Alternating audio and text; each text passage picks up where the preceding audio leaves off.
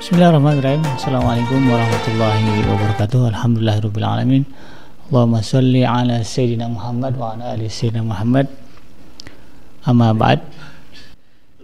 Kembali berjumpa di udara di gelombang 94 PTM iDream Radio Successful Muslim Family bersama saya BKJ dalam program ngaji from home seperti biasa kita akan sama-sama menghadiri program kajian rutin kita bersama guru kita Al Ustaz Abdullah Hadir Alsi.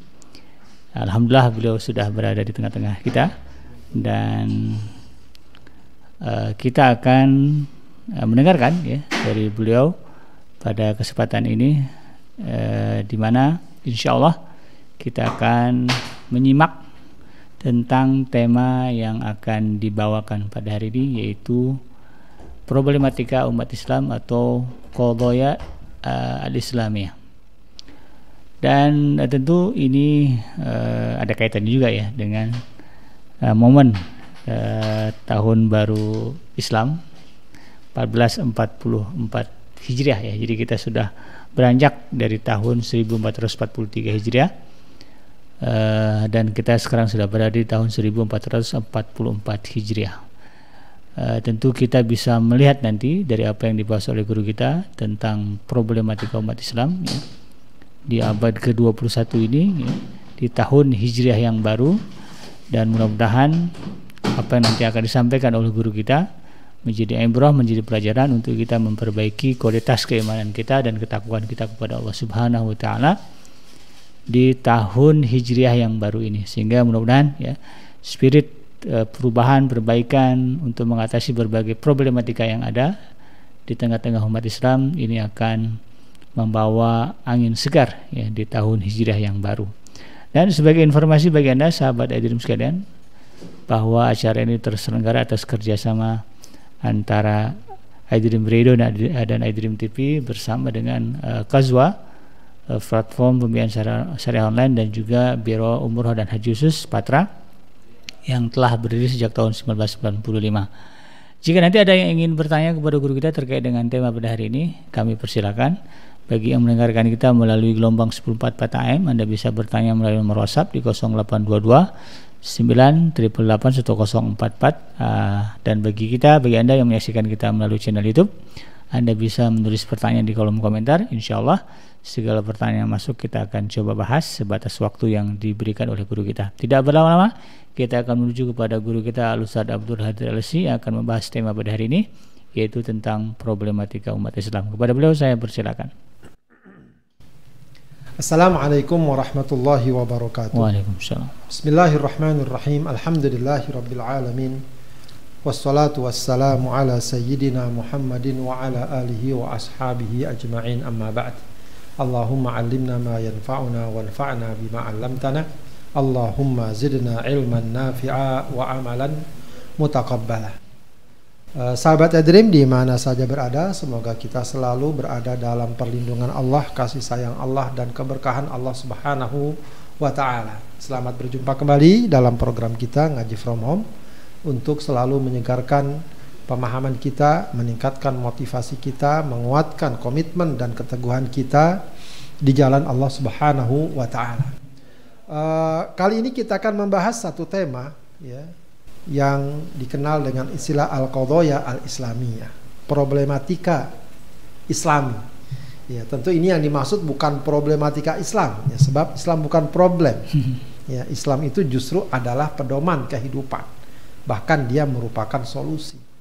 Cuma yang jadi problem itu adalah umat Islam.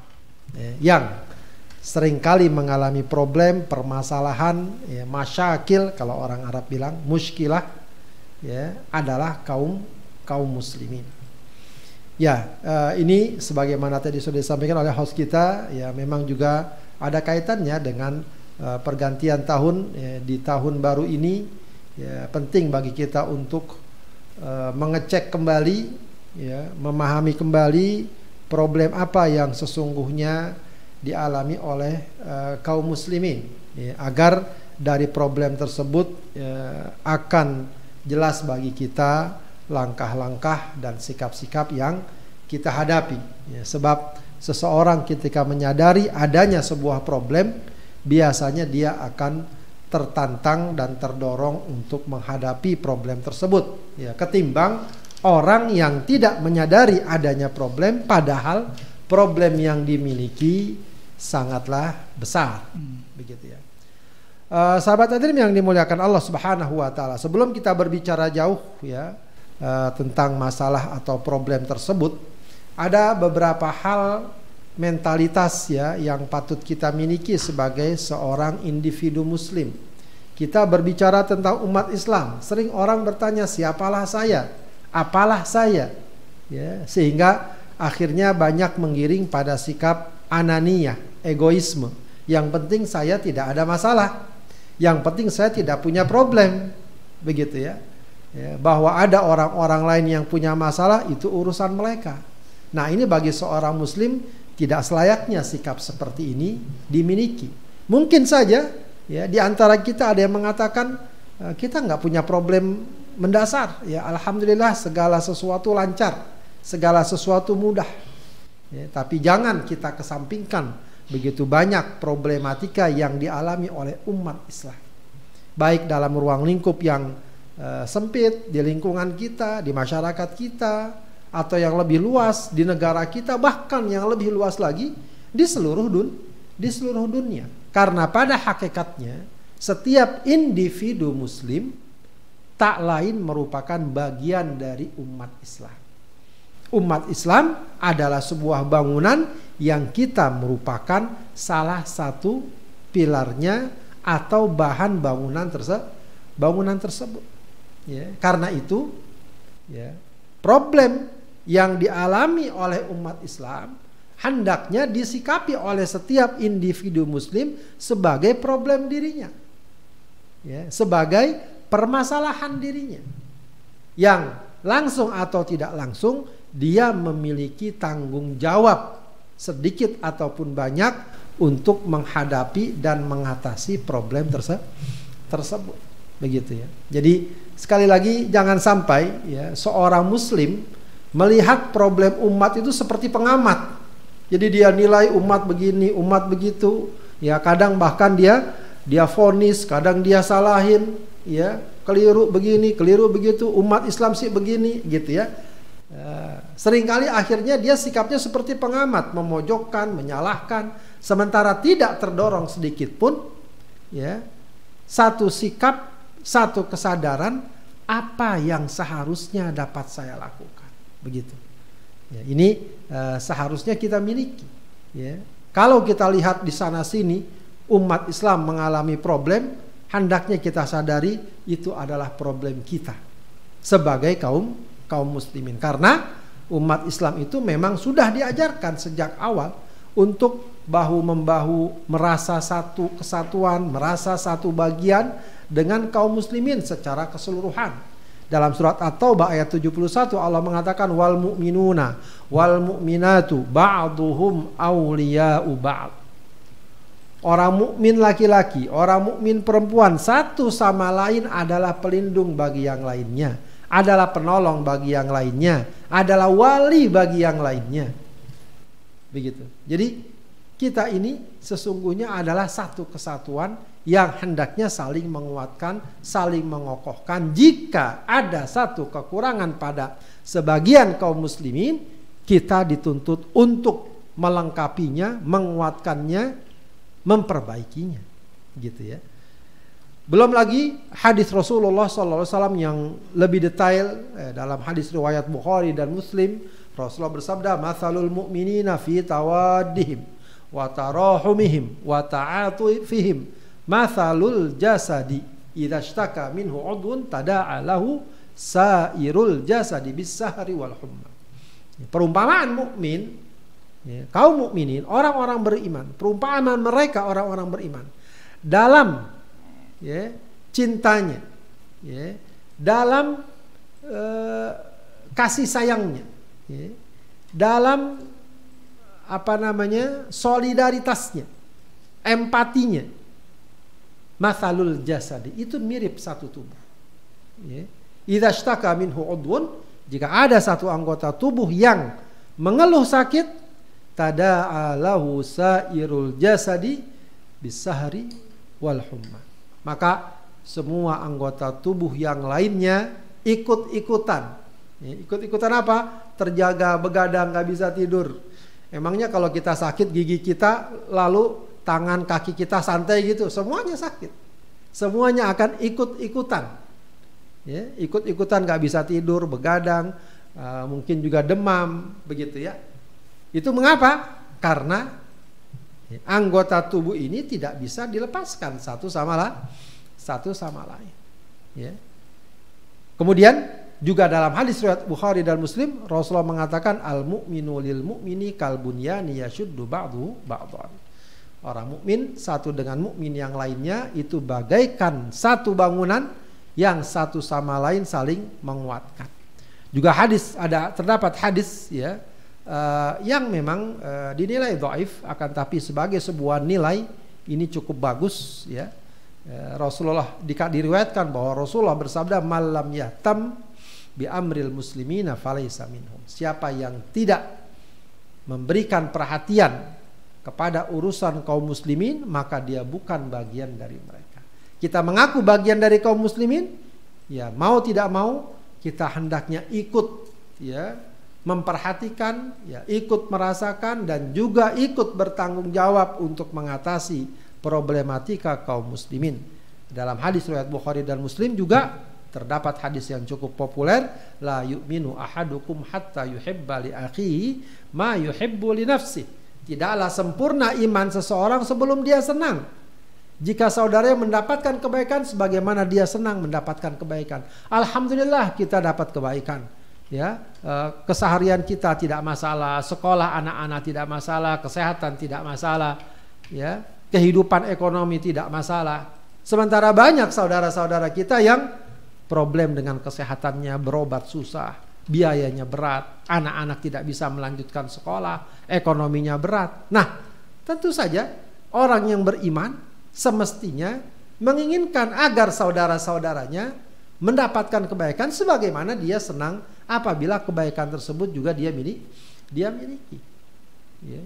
Lalu bagaimana cara dan langkahnya itu akan menyusul apabila kesadaran tersebut sudah hadir dalam diri kita orang yang beriman. Jadi eh, sahabat-sahabat sekalian, sekali lagi hendaknya kita sadari ya posisi kita sebagai seorang muslim, sebagai orang yang beriman bahwa kita adalah bagian yang tak terpisahkan dari bangunan kaum muslimin ya maka yang menjadi problem kaum muslimin sesungguhnya adalah juga menjadi problem kita menjadi permasalahan kita ya maka kita dituntut ya partisipasinya, peran sertanya, kontribusinya untuk memberikan perbaikan di tengah masyarakat. Baik. Uh, lalu apa saja problematika umat itu? Ya, kodoya al ummah. Apa ini problematika umat? Ya, sebelum kita berbicara secara detail, ya hendaknya kita pahami dulu.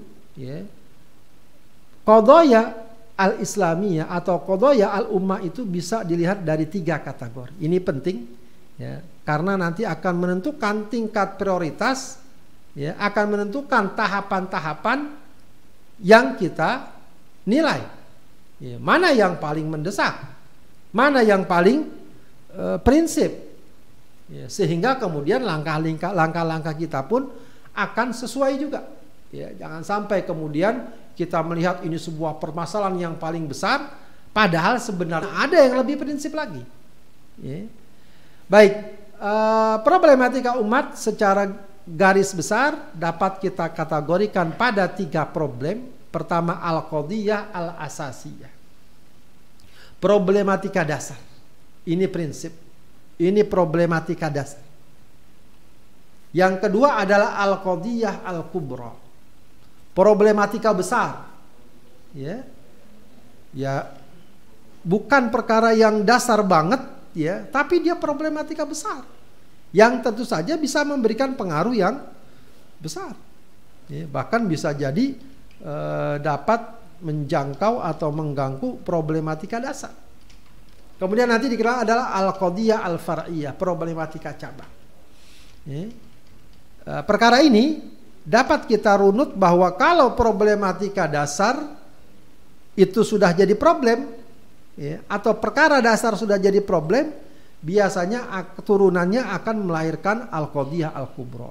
Al-qadiyah al-kubra sudah jadi problem, maka turunannya akan melahirkan al-qadiyah al-far'iyah, perkara-perkara atau problematika cabang. Begitu ya. Baik, apa problem al-qadiyah al-asasiyah itu? Apa problematika dasar?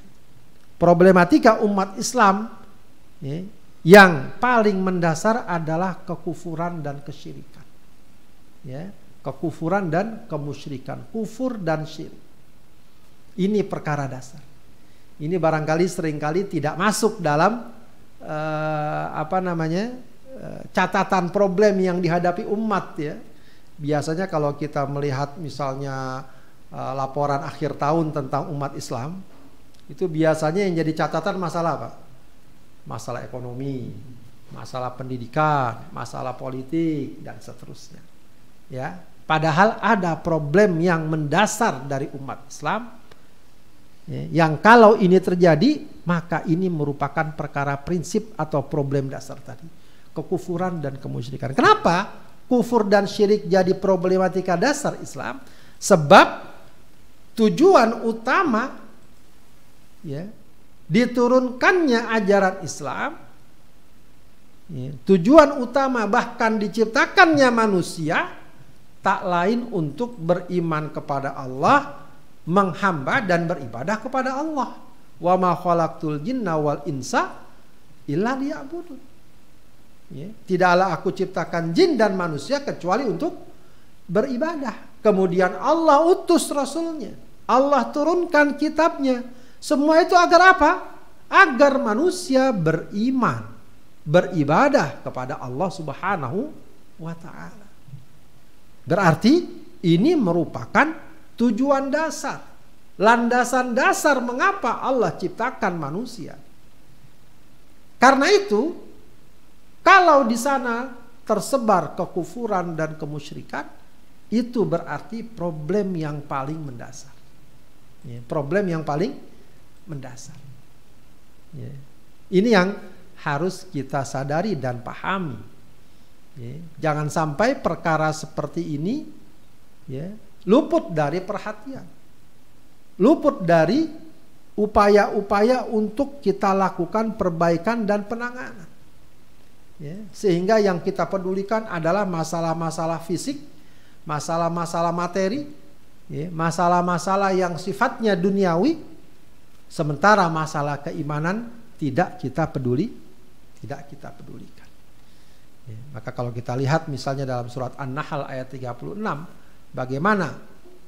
Para nabi walaqad ba'atsna fi kulli ummatin rasulan an ya'budullaha wajtanibut taghut dan sungguh telah kami utus pada setiap umat seorang rasul untuk beribadah kepada Allah dan meninggalkan tagut segala sesuatu yang disembah selain Allah.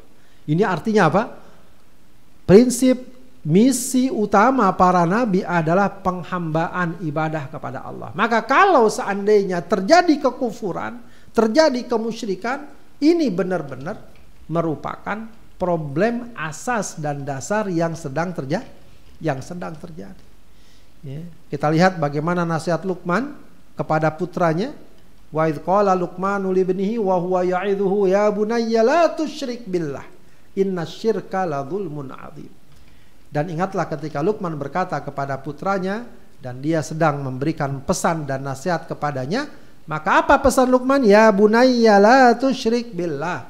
Wahai ananda, jangan kamu berbuat syirik kepada Allah. Sungguhnya syirik merupakan kezaliman yang besar. Jadi ini yang harus kita waspadai. Kalau kita lihat di tengah masyarakat, ya sudah muncul kadang-kadang bahkan di tengah masyarakat muslim ya bunuh muncul benih-benih kekufuran meskipun kadang tidak verbal sekali ya ada yang misalnya mengingkari rasul ada yang mengingkari Al-Qur'an ada yang melecehkan surga neraka gitu ya ada yang tidak peduli pada ajaran agama. Ya. Mengingkarinya. Nah ini benih-benih kekufuran yang harus diwaspadai. Atau kesyirikan, ya, menyekutukan Allah, ya, menjadikan selain Allah sembahannya, menjadikan selain Allah sebagai sesuatu yang memiliki sifat dan kedudukan sama seperti Allah. Ya itu kesyirikan. Itu problem dasar ya karena itu menyangkut langsung masalah keimanan kita kepada Allah Subhanahu wa taala baik itu problem dasar kemudian nanti ada lagi al-qadiyah al-kubra problem-problem besar di tengah umat ya ini kurang lebih ruang lingkupnya pada empat perkara ini. Meskipun mungkin cabang-cabangnya akan banyak ya. Al jahl kebodohan. Ya, kebodohan. Ya, kebodohan kita dapatkan di tengah masyarakat. Ya, masyarakat muslim ya meskipun tentu alhamdulillah kalau kita dapatkan sebagian kaum muslimin mencapai prestasi-prestasi ilmiah yang sangat tinggi ya, dan seterusnya. Tapi jangan abaikan bahwa banyak sekali kebodohan yang masih melanda kaum muslimin di berbagai negeri, di berbagai tempat. Dan ingat, ya, satu kebodohan yang juga sangat besar pengaruhnya. Yang kadang-kadang lagi-lagi tidak masuk dalam kriteria kebodohan agama. Kebodohan dalam beraga, beragama. Artinya apa? Tidak paham banyak ilmu-ilmu agama, pemahaman-pemahaman agama. Ya,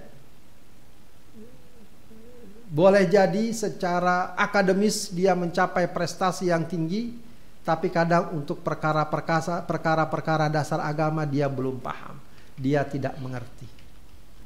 Ini satu hal yang menjadi problem. Belum lagi kebodohan-kebodohan lainnya, ilmu pengetahuan, teknologi dan seterusnya. Apalagi sekarang dunia begitu berkembang pesat, ilmu pengetahuan begitu berkembang pesat. Ya, Eh, kaum muslimin dituntut untuk uh, apa namanya memiliki kemajuan pemahaman ilmu pengetahuan yang tidak boleh kalah. Ya, karena perkembangan kehidupan juga berkaitan dengan perkembangan ilmu pengetahuan.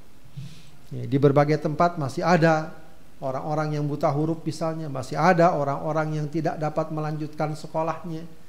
Ya, di berbagai tempat. Ini juga uh, satu hal yang menjadi al-qadiyah al-kubra.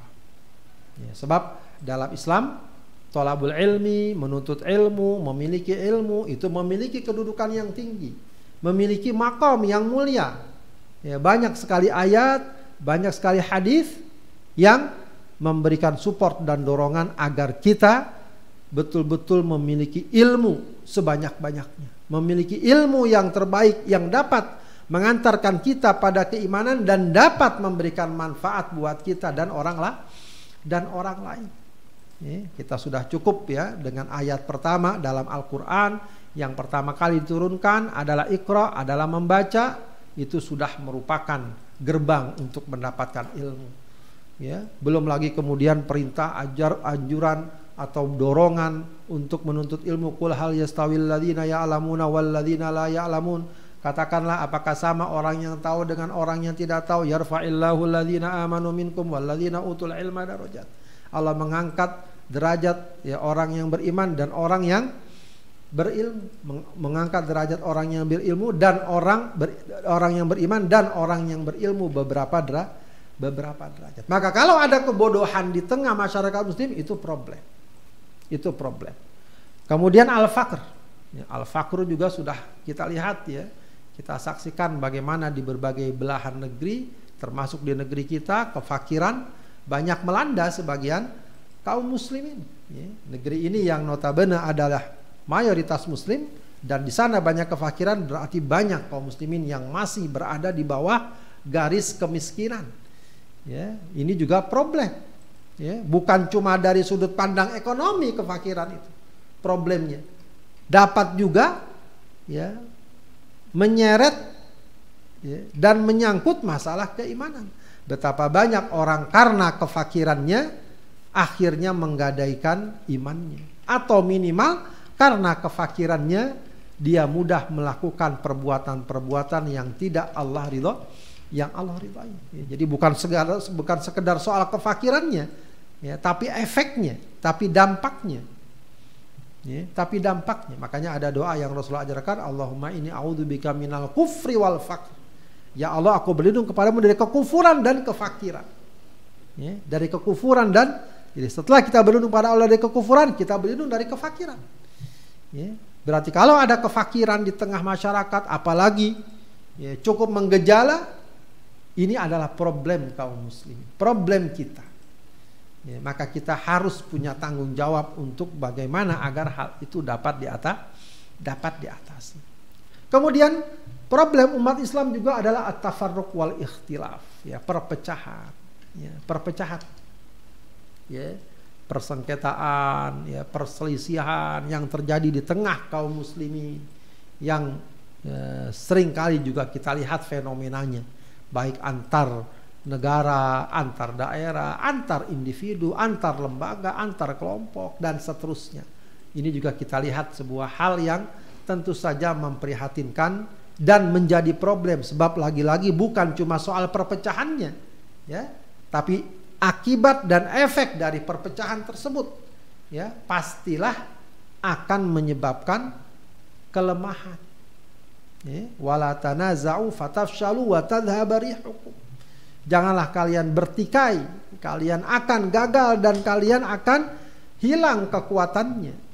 Ya, perpecahan akan banyak sekali menimbulkan berbagai macam problem di tengah masyarakat di tengah masyarakat. Ya, makanya juga eh, Islam sudah betul-betul mengingatkan ya, agar kita jangan bercerai-berai, agar kita jangan mudah bertikai, ya, karena itu menjadi problem yang sangat besar. Kemudian at-takhalluf keterbelakangan, ya, keterbelakangan.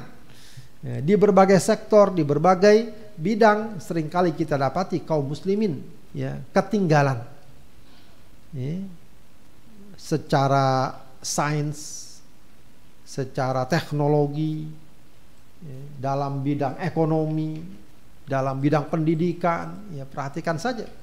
Ya, dalam bidang ekonomi, siapakah yang menguasai sumber-sumber perekonomian? Ya, baik dalam ruang lingkup global ataupun juga nasional, lokal, sering kali umat Islam berada dalam posisi yang terbelakang belum lagi teknologi, ya, belum lagi industri, berbagai kemajuan dan seterusnya. Ya, padahal sering kali Islam kaum muslimin negeri-negeri Islam memiliki potensi yang sangat luar luar biasa, namun tetap terbelakang. Nah, ini satu hal atau fenomena yang uh, patut kita perhatikan dengan seksama dan lagi-lagi hendaknya ini kita sadari sebagai problem sebagai problem kita. Bahkan kadang-kadang ya dalam banyak hal termasuk terbelakang dalam sikap, ya, attitude, ya, eh, moral, kedisiplinan, kebersihan, gitu ya, komitmen. Kadang-kadang juga terbelakang. Ya, ini sungguh ironis ya karena padahal ya, Islam sudah sangat banyak mengajarkan kepada kita untuk menjaga moralitas, menjaga kedisiplinan, menjaga komitmen, ya jangan ingkar janji ya berkata jujur punya amanah punya syajaah keberanian dan seterusnya. Ya. namun di berbagai lini takhalluf tersebut juga sangat sangat tampak. Ini ini semua adalah al-qadiyah al-kubra. Ya, kita melihat ini bukan semata bagi kita untuk memojokkan dan merendahkan kaum muslimin tidak tapi untuk melihat dan membaca. Beginilah nyatanya kita Beginilah realitanya kaum muslim, kaum muslimin. Ya, agar jangan sampai kita terpedaya seakan-akan kita sudah selesai urusan kita. Kaum muslimin sekarang jumlahnya miliaran. Banyak. Ya, padahal kita tahu ya, di sebagian itu terdapat ya kodiyah-kodiyah yang sangat besar yang harus kita atasi bersama. Nah, al-qadiyah al-kubra ini kalau kita lihat ya, latar belakangnya cukup banyak ya. ya cukup banyak. Di sana ada kezaliman. Ya banyak kaum muslimin yang fakir miskin ya. Lebih juga karena faktor-faktor kezaliman yang mereka alami. Ya baik kezaliman secara fisik kekerasan dan seterusnya. Ya kezaliman dalam bentuk ketidakadilan dan seterusnya. Sehingga banyak kaum muslimin yang akhirnya tetap dalam kefakirannya keterbelakangannya ya bahkan kadang-kadang juga terus bertikai ya, karena diadu domba satu sama lain satu sama lain ya, itu sebab-sebabnya ya. kemudian al asobiyah ya sering kali juga uh, problem yang dialami ya sebab-sebab yang dialami yang terjadi adalah fanatisme ya, orang sudah mendahulukan kepentingan kelompoknya golongannya partainya sukunya bangsanya ya. sementara kaum muslimin ya tidak bisa lepas dari itu semua. Kalau masing-masing hanya memperdulikan kelompoknya golongannya ya maka yang lain akan terabai akan terabaikan. Ya.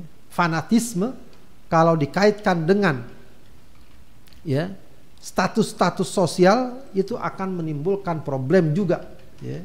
Akan menyebabkan lahirnya berbagai macam problem. Kemudian juga syubhat ya problem yang dialami kaum muslimin yang tadi melahirkan kebodohan kefakiran takhallu perpecahan di antaranya juga faktor syubhat begitu banyak pihak-pihak yang e, menghembuskan, ya, menyemburkan ya, pandangan-pandangan yang keliru, teori-teori dan kesimpulan-kesimpulan yang keliru yang akhirnya sedikit atau banyak menyebabkan berbagai kodiah tadi. Ya, banyak orang yang e, kaum muslimin yang apa namanya e, tidak tertarik untuk mencapai prestasi ilmiah ya karena syubhat ya. Orang kalau banyak ilmunya jadi banyak e, melawannya, jadi banyak ininya. Belum lagi nanti ada yang mengatakan wanita jangan menuntut ilmu, syubhat-syubhat yang akhirnya membuat orang jadi bodoh. Ya, syubhat belum lagi masalah klinik, masalah keyakinan tertentu yang tidak memiliki landasan-landasan ilmiah. Ya, yang tidak memiliki landasan ilmiah. Kemudian hubbul jah, cinta jabatan. Ini juga sering kali menjadikan prahara dan malapetaka. Orang-orang yang cinta jabatan, yang demi jabatannya dia rela melakukan apa saja, ya, yang dampak dan akibatnya justru kepada orang lain. Ya, karena dia ingin mempertahankan jabatan, dia butuh kekuatan, dia butuh uang, lalu dia ambil uang masyarakat. Ya. Sehingga masyarakat yang seharusnya mendapatkan berbagai macam fasilitas dan kemudahan tidak lagi mereka dapatkan. Seharusnya mereka dapat pendidikan gratis misalnya. Seharusnya mereka dapat pengobatan gratis misalnya. Namun karena ada orang-orang yang hubbul jah, senang dengan jabatan, ya lalu dia korup, dia ambil uang rakyat, uang negara dan seterusnya, maka kita dapati banyak orang yang tidak bisa berobat karena tidak punya uang, tidak bisa sekolah karena tidak punya uang, orang-orang yang menyalahgunakan jabatan dan kekuasaan. Kemudian ada juga al-muamarah, konspirasi. Konspirasi, ada pihak-pihak tertentu yang apa namanya tidak menginginkan ya, Islam bangkit, Islam memiliki kekuatan. Sebab kalau Islam memiliki kekuatan, kaum muslimin memiliki kekuatan, mereka tidak memiliki kemampuan untuk mendapatkan kebaikan bagi mereka. Ya, muamarah maka mereka atur berbagai macam konspirasi ya, dengan berbagai macam bentuknya ya, dengan berbagai macam bentuknya. Ya e, dalam Al-Qur'an Allah katakan apa liyuthbituka aw aw yaqtuluka aw yukhrijuka wa id yamkuru wa id yamkuruna wa, id yamkuru bika ya liyuthbituka aw yaqtuluka aw yukhrijuk ya dan ingatlah ketika mereka berbuat makar kepadamu untuk menangkapmu atau e, membunuhmu atau mengusirmu ya, dengan berbagai macam cara konspirasi. Ya, sekarang dikenal pada masa sekarang dikenal sebuah problem yang disebut dengan Islamophobia, Islamophobia. Kekhawatiran berlebihan terhadap Islam. Seakan-akan Islam itu ancaman kalau Islam hadir, seakan-akan mereka tidak dapat kesempatan untuk eksis dan meraih kemajuan dan keberhasilan. Padahal tidak. Islam bukanlah ancaman, justru Islam datang sebagaimana janji Allah. Wa ma arsalnaka illa rahmatan lil alamin. Ya. Kemudian dengki. Ya, dengki juga menjadi sebab ya, lahirnya berbagai macam problem di tengah masyarakat. Ya, bahkan dengki di antara sebagian kaum muslimin terhadap saudara ya, terhadap saudaranya. Ya. Karena kedengkiannya akhirnya ya, satu sama lain saling menjegal. saling menghalangi, saling menghadang, bahkan saling menjatuhkan. Akhirnya tidak jalan kaum muslimin, jatuh, gagal, terhalang bukan oleh siapa-siapa, tapi oleh kaum muslimin sendiri. Ya, itu bahayanya kalau dengki ya hadir dalam diri dalam diri kita akan banyak melakukan keburukan-keburukan yang mengakibatkan keburukan bagi saudara bagi saudaranya. Kemudian ada dhaful wa'il ijtimai, lemah kepedulian sosial. Ya, kepedulian sosial kita lem, lemah ya. E, melihat orang ada orang bencana dan dan lain sebagainya tidak tergerak untuk membantu meringankan ya. bahkan kadang yang terjadi malah justru nyinyir kalau bahasa sekarang. Meremehkan menuduh oh ini begini oh ini begini. Ya. Lemah kepedulian sosialnya. Ya padahal kita harus berpikir secara apa istilahnya ya secara luas bahwa medan amal yang harus kita lakukan adalah medan yang harusnya berdimensi sosial, berdampak sosial. Ya, bagaimana nanti efek dan pengaruhnya bagi masyarakat, bagi masyarakat, termasuk masalah politik misalnya. Ya, hendaknya juga seorang Muslim punya kepedulian ya, agar nanti lahir pemimpin-pemimpin yang baik, agar nanti lahir pejabat-pejabat yang baik. Kenapa? Karena pemimpin yang baik, pejabat yang baik akan memberikan efek yang baik di tengah masyarakat di tengah masyarakat. Ini uh, beberapa al, beberapa awamil, beberapa faktor-faktor yang melahirkan berbagai macam problematika di tengah masyarakat di tengah masyarakat. Itu tadi al-qadiyah al-kubra. Adapun al-qadaya al-far'iyah, problematika-problematika cabang itu nanti masuk kepada perkara-perkara teknis ya perkara teknis terkait sarana, prasarana yang ada atau semacamnya, bagaimana kita membuat lembaga sosial, lembaga pendidikan, lembaga kesehatan, ya membuat program-program yang real di tengah masyarakat gitu ya. Ah itu kodoya far'iyah yang kadang-kadang juga sering kita dapati.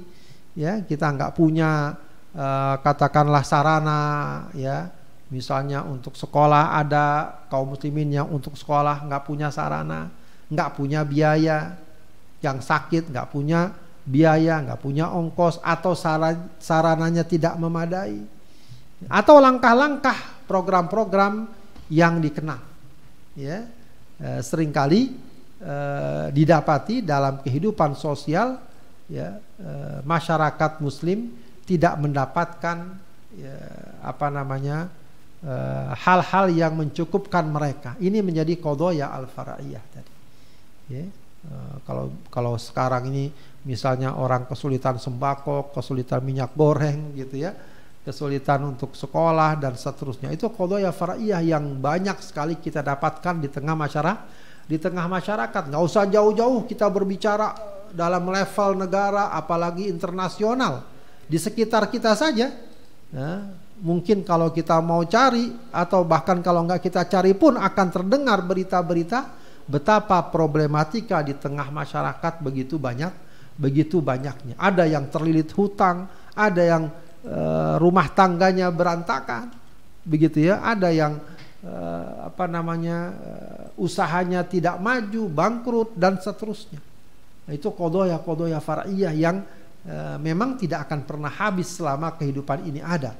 Ya, akan tetapi setidaknya kita harus menyadari ya, bahwa problematika di tengah masyarakat itu memang sangat banyak.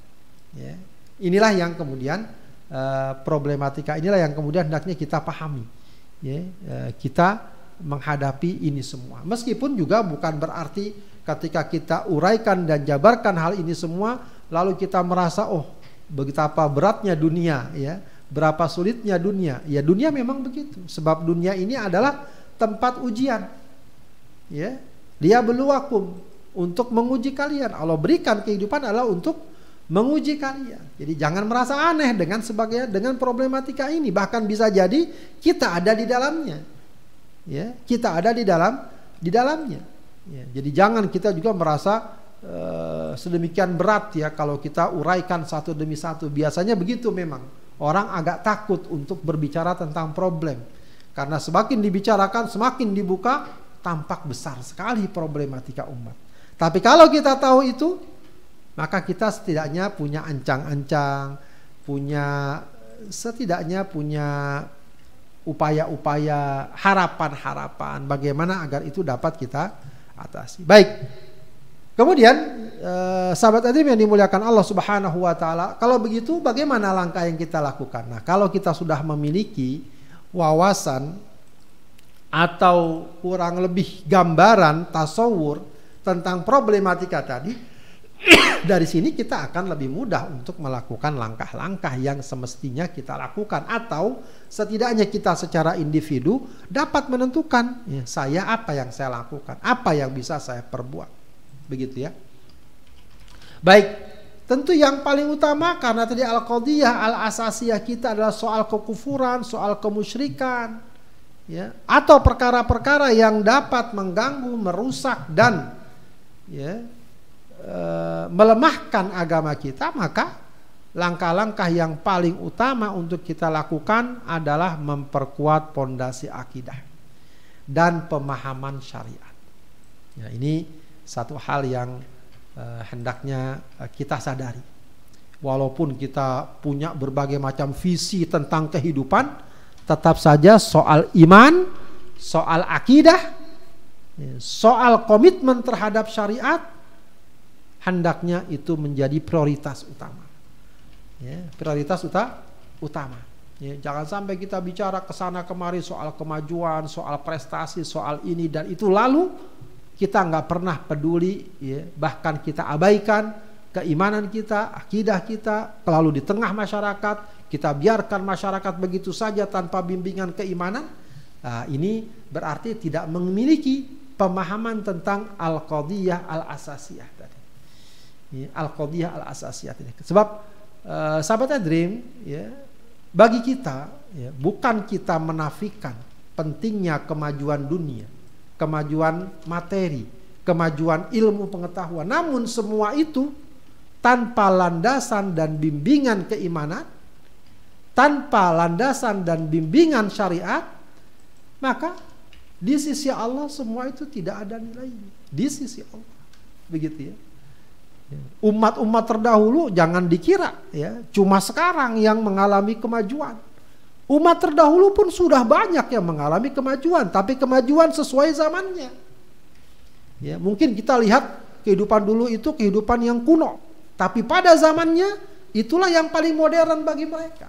Firaun ya, yang dengan kekuatannya berhasil membangun bangunan piramida yang besar, itulah capaian teknologi dan kemajuan pada saat itu. Ya, bang kaum Ad, bangsa Ad, bangsa Samud, ya, bangsa Iram, Iramadzatil Imad, ya, dalam surah Al-Fajr, mereka sudah mencapai kemajuan yang tertinggi. Namun semua itu, ya, kemajuan teknologi peradaban tanpa landasan keimanan, maka hakikatnya dan sejatinya dia bukanlah kemaju kemajuan. Karena itu ya problematika ini harus kita atasi dengan terus melakukan program-program, kegiatan-kegiatan, pemantapan, pengokohan, pemahaman terhadap keimanan, terhadap akidah, terhadap syari, terhadap syariat. Ya, kita hidupkan pengajian-pengajian, kita hidupkan penerangan-penerangan, ya, kemudian bimbingan-bimbingan dengan berbagai macam sarana yang bisa kita lakukan. Alhamdulillah kita hidup di zaman uh, informasi yang sangat luar biasa, komunikasi yang sangat terbuka. Maka memanfaatkan itu semua untuk menjaga, membimbing, meluruskan keimanan, pemahaman terhadap syariat adalah perkara yang sangat mendasar. Kemudian juga membangun pemahaman Islam yang utuh dan memberikan counter terhadap subhat-subhat yang ada ya. Maka uh, kita hendaknya memberikan pemahaman-pemahaman yang utuh terhadap Islam ya bahwa Islam bukan hanya sekedar kepercayaan begitu saja tapi dia merupakan panduan dan pedoman kehidupan ya. Dan dia bukan hanya untuk kepentingan umat Islam saja.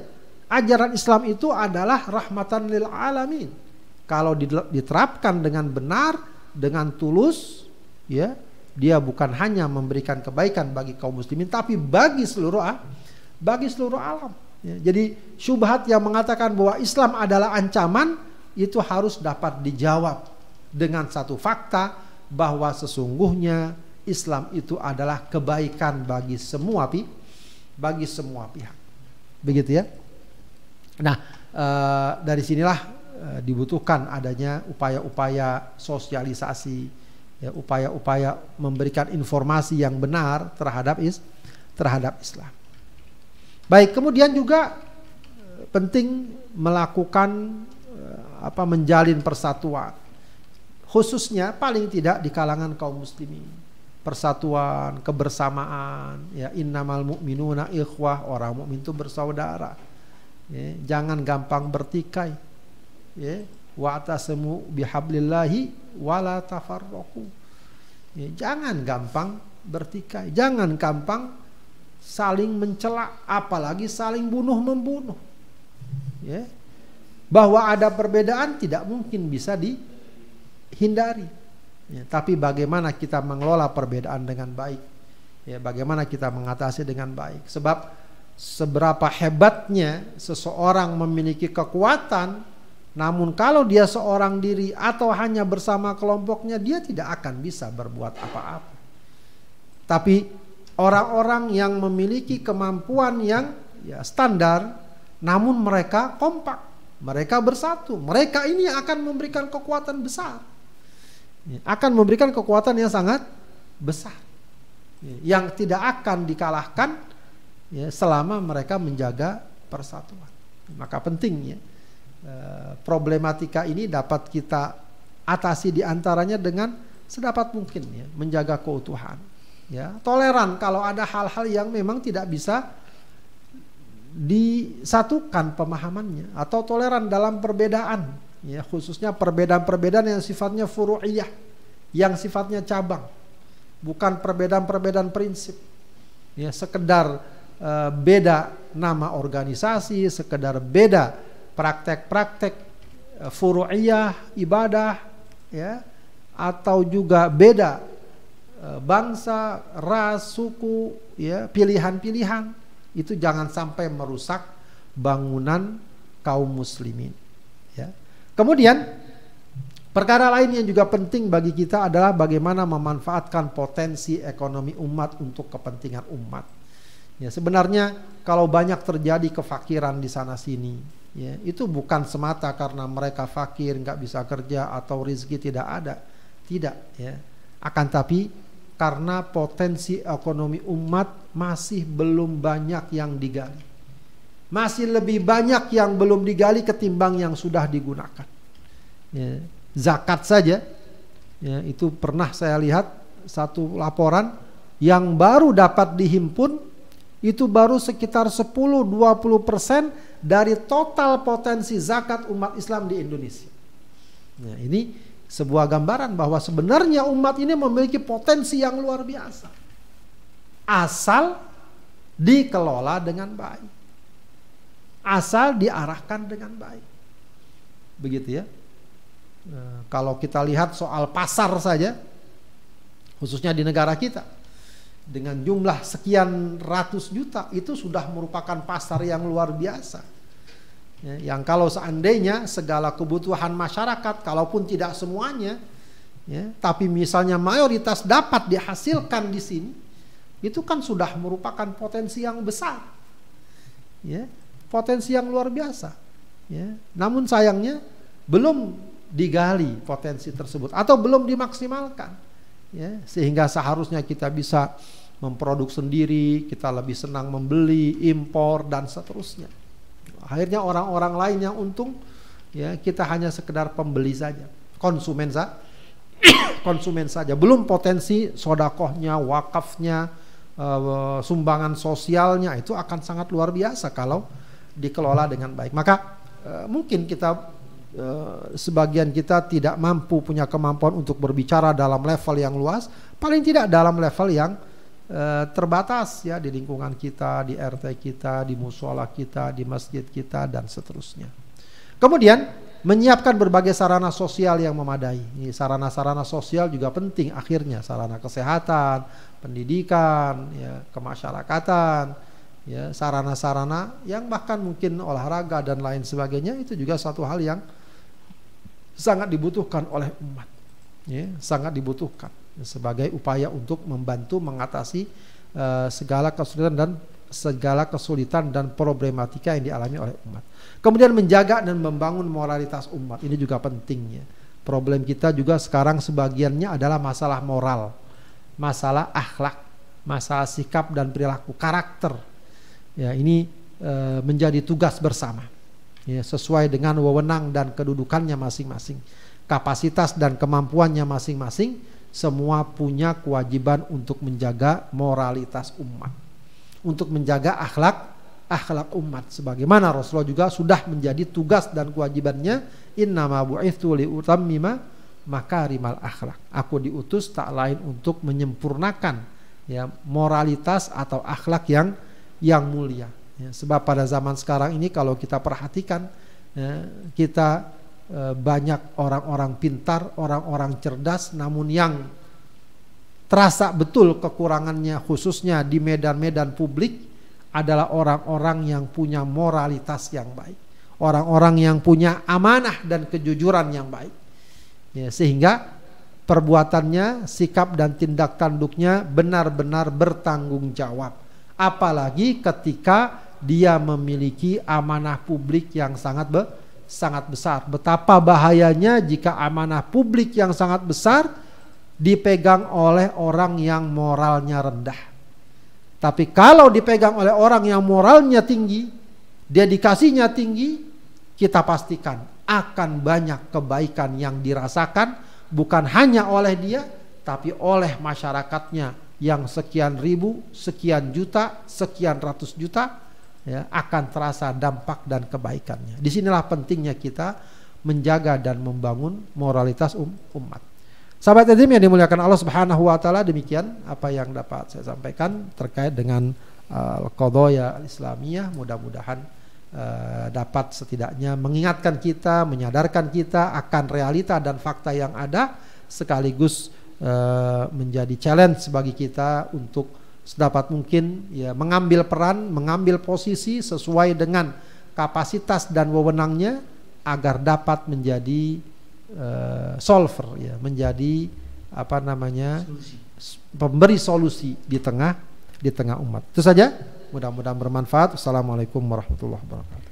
Waalaikumsalam warahmatullahi wabarakatuh. Demikian sahabat Adrim yang dirahmati Allah uh, sudah kita dengarkan uh, panjang kali lebar ya, dari guru kita terkait dengan tema pada hari ini yaitu uh, Kodoya al-Islamiyah atau uh, problematika umat Islam dan memang apa yang disampaikan oleh uh, guru kita ya, betul-betul nampak ya apa yang terjadi pada hari ini terutama ya dalam skop uh, kita sebagai bangsa Indonesia. Ini kita belum lagi berbicara global uh, yang menyangkut ya, dunia dan juga umat Islam di berbagai penjuru dunia. Baik sahabat terima dirahmati Allah jika ada yang ingin didiskusikan dengan guru kita Anda bisa menyampaikan di uh, apa namanya kolom chat ya di channel YouTube Anda silakan disampaikan dan sambil menunggu jika ada saya ingin mengawali beberapa pertanyaan kepada guru kita terkait dengan tema pada hari ini. Baik Ustaz ini uh, memang kalau membahas para masalah jadi terasa berat juga itu artinya pengaruhnya ya lumayan lah ya e, betapa e, apa namanya besarnya ya. beban para dai kita e, pada hari ini e, ini gini Ustaz ini e, kita berbicara mengenai e, masalah umum gitu Ustaz ya yang di yang dihadapi oleh umat Islam Tadi uh, sudah dijelaskan beberapa masalah-masalah dari mulai yang asasiah, kemudian uh, yang besar, lalu kemudian yang uh, cabang begitu. Nah ini uh, ada satu fenomena Ustaz di mana sekarang ini uh, kita melihat adanya gejala-gejala uh, yang disifatkan sebagai cirinya orang munafik katakanlah misalnya ingkar janji, kemudian uh, fenomena kedustaan, lalu kemudian eh, apa namanya fenomena malas beribadah dan sebagainya yang memang itu disandarkan kepada orang-orang uh, munafik. Nah, dalam hal ini apakah uh, kemunafikan uh, atau ciri-ciri kemunafikan yang kita lihat menghinggapi orang-orang Islam atau kaum muslimin Ustaz? Ini uh, menjadi bagian masalah yang mana nih Ustaz? Apakah di di level uh, asasiah atau kubur atau furu'iyah ini. Ya. Karena kan kalau berbicara itu cukup mengejala. Mungkin kalau kita perhatikan uh, ya kita tidak uh, tidak melihat uh, itu sebagai apa namanya katakanlah kalau kalau bicara yang uh, yang yang asasiah tadi ya ke kekufuran kesyirikan ya mungkin hari ini kita tidak uh, bisa kita lihat lah itu jelas orangnya gitu kan. Uh, dia ada di seberang kita. Nah, kadang-kadang orang-orang yang statusnya masih muslim tetapi kemudian dia menampakkan sifat kemunafikan tadi apa ini nih bagaimana Ustaz dalam pandangan itu dan bagaimana kita harus menyikapinya ketika kita berada di tengah-tengah komunitas atau masyarakat yang memang sedang begitu baik uh, ya memang tadi tidak saya sebutkan ya nifak sebagai bagian iya. dari uh, problem iya. ya uh, karena sebenarnya hakikatnya ya, nifak itu kalau masuk dalam uh, ruang lingkup i'tiqadi nah. akidah dia masuk kepada kategori kufur. Ya. Jadi sebenarnya hakikatnya ya kalau dia kaitannya dengan keimanan hmm. ya uh, nifak itu masuknya pada kekufuran. Tentu di sisi Allah Subhanahu wa taala karena secara zahir dia tetap dinilai sebagai orang yang beriman dan orang-orang yang uh, diperlakukan sebagaimana halnya memperlakukan orang yang yang beriman. Tapi hakikatnya ya, mereka adalah orang-orang yang kufur. Sebab hakikat atau uh, definisi nifak adalah orang yang menyembunyikan kekufurannya hmm. dan memperlihatkan keimanannya, gitu ya. Nah, itu kalau nifak dalam perspektif akidah dan keyakinan. Hmm. Ya sehingga tetap dia kembali kepada al-qadiyah al-asasiyah tadi. Ya problematika dasar. Ya intinya adalah sesuatu yang dapat merusak keimanan. Merusak uh, Islam begitu ya. Merusak Islam sese seseorang. Adapun kalau nifak dilihat dari perspektif moral ya kaum muslimin hmm. moral maka ya dia bisa masuk pada al-qadiyah al al, al kubro ya perkara besar ya bisa masuk dalam perkara keterbelakangan tadi uh, al jahal dan seterusnya. Ya sikap-sikap yang uh, tidak terpuji. Ya sikap-sikap moral yang tidak uh, terpuji.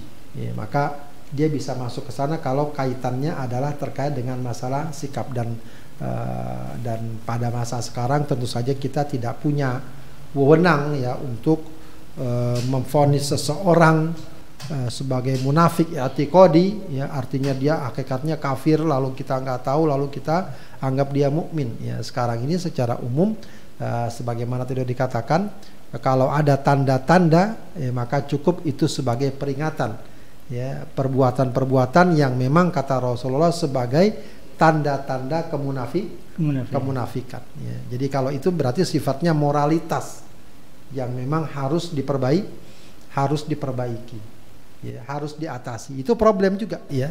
Ya itu bisa masuk pada al qadiyah al kubro tadi, hmm. ya, terkaitannya dengan masalah moralitas, ya, kaitan dengan masalah morali moralitas. Wallahu a'lam. Baik baik, ya, ya mudah-mudahan ini bisa kita pahami dan ya, kita berharap ya kita tercegah dari ya, sifat-sifat ya, munafikan yang pada dasar sebetulnya ini masuk wilayah uh, apa namanya uh, asasiah ya atau uh, problem-problem yang yang menjadi dasar.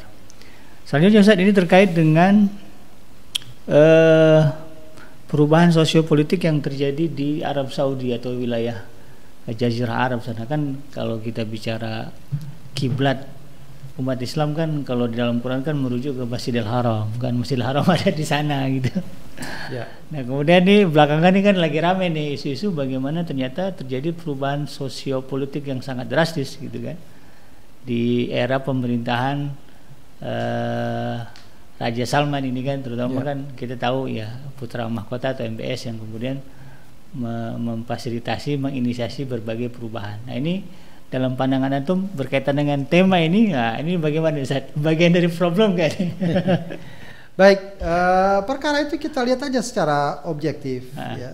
Kalau memang tentu saja setiap orang, setiap pemimpin akan berbicara tentang masa depan yang lebih maju, yang Ah. lebih baik dan seterusnya. Ya, tentu saja apalagi kalau dia penguasa muslim, Ah, ya paling tidak kita husnuzon dulu lah ya Oh. bahwa yang dia inginkan adalah kebaik kebaikan. kebaikan gitu ya. Akan tetapi tetap saja nilai-nilai Islam hendaknya eh, dapat menjadi eh, kalau bahasa kita apa ya menjadi pisau yang dapat menilai ya eh, setiap langkah, setiap kebijakan, setiap Hmm. perbuat Hmm. perbuatan. Jika di sana ada kebaikan sesuai dengan ajaran Islam, katakanlah yang diinginkan kemajuan, eh, kesadaran ya atau juga apa namanya eh, ke- kecerdasan dan seterusnya ya peradaban yang lebih baik tentu itu tidak bertentangan dengan ajaran Islam. Hmm. Ya, tapi kalau ada hal-hal yang kemudian membuka peluang eh, kemaksiatan, kemunkaran dan seterusnya, ya itu memang qadiyah yang eh, atau problematika yang eh, dia harus dihadapi dan disikapi oleh umat oleh umat Islam. Begitu ya. Jadi eh, memang sekarang ini sering kali kita mengaitkan ya sebuah nilai keislaman dikaitkan pada tempat dan daerah tertentu. Hmm. Ya, oh di sini begini, oh enggak di sana begitu, begitu ya. Iya. Jadi bukan masalah di sini dan di sana. Ya. Pertama, itu bukan patokan dasar, Iya. ya, apalagi manusia. Ya, bukan nabi dan seterusnya. Ya. Eh, kalau misalnya ada hal-hal yang oh di negeri Arab begini, kalau memang sesuai, ya bagus. Iya. Kita katakan itulah memang is Islam. Islam. Kalau tidak sesuai, ya tidak kita katakan ya Islam tidak begitu. Ya sekaligus itu justru di satu sisi akan menguatkan kita bahwa kalau kita selama ini melaksanakan ajaran Islam, Ah, ya itu bukan karena kita pengen seperti orang Arab begitu ya. Iya. Istilahnya sering di, suka di jangan ke Arab-Araban Iya, segala iya. macam ya. Ya, Ternyata apa yang kita lakukan misalnya kaum muslimah menutup aurat, Hmm. pakai jilbab atau kita misalnya menjaga aurat, bersikap baik, hmm. mengucapkan salam itu bukan karena pengen jadi ke Arab-Araban Iya, gitu ya. iya. Seperti misalnya anak-anak muda yang eh, pengen kayaknya maju lalu ngomong bahasa Inggris, say hello segala macam gitu kan. Nah, itu kalau itu boleh dibilang ke barat-baratan. Iya, iya, iya. Tapi kalau kita mengucapkan salam, kita menjaga sholat, kaum wanita menutup aurat, Iya. menutup aurat, itu bukan ke Arab-Araban. Itu Islam. Itu Islam. Kenapa? Karena ada orang Arab yang nggak menutup aurat Betul. gitu ya. Nah itu juga sebenarnya eh, justru akan menguatkan kita bahwa yang jadi patokan kita itu bukan soal Arabnya, Hmm. bahkan walau itu dekat Masjidil Haram sekalipun, Iya. Ya itu bukan lantas oh, oh, oh, di Masjidil Haram begini, bukan lantas itu jadi benar. Iya. Oh di Masjidil Haram tuh ada ya, sebab kadang eh, di Masjidil Haram suka ada orang ya karena terdesak sholat akhirnya laki perempuan di samping-samping gitu, karena lagi jalan ya Iya. kemudian komat Ah, Iya. ya kan dia mau ke sana kemari susah Ah, Iya. Sholat di situ. sholat akhirnya di situ aja sampingnya laki suaminya sampingnya anaknya Iya. laki perempuan Iya. Ya, lalu di Indonesia dia mau praktekkan. Jadi dalil. jadi dalil. Dibilang ditegur nggak boleh sholat begitu. Ah di Masjidil Haram begitu. Oh, iya. nah, itu keliru kan jadinya. Nah, itu nggak bisa buat dalil. Nggak bisa buat Oh, dalil. dalil. Belum lagi ada orang yang sholat nggak nutup aurat gitu ya macam-macam lah ya.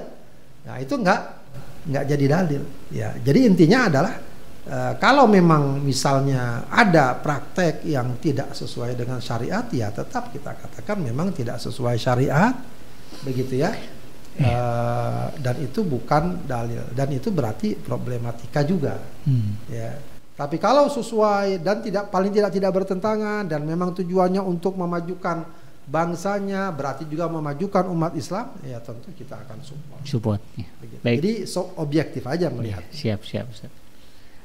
Baik, eh, sahabat Adrim yang dirahmati Allah, sepertinya waktu kita sudah habis. Nah, namun sebelum diakhiri, kita minta Ustaz untuk memberikan closing statement terkait dengan tema pada hari ini. Nah, silakan Ustaz. baik eh, sahabat tadi yang dimuliakan Allah pada hakikatnya tema ini lebih kepada upaya untuk membangun kesadaran dan kepedulian kita sebagai seorang muslim bahwa kita sebagai seorang muslim siapa pun kita di mana pun kita hendaknya punya sikap peduli terhadap problematika umat Islam ya. Bukan berarti kita harus menyelesaikan semuanya tapi paling tidak ya walau sedikit ya ada hal-hal atau ada langkah-langkah yang dapat menunjukkan dan mewujudkan kepedulian kita walau skup yang sangat kecil sekalipun.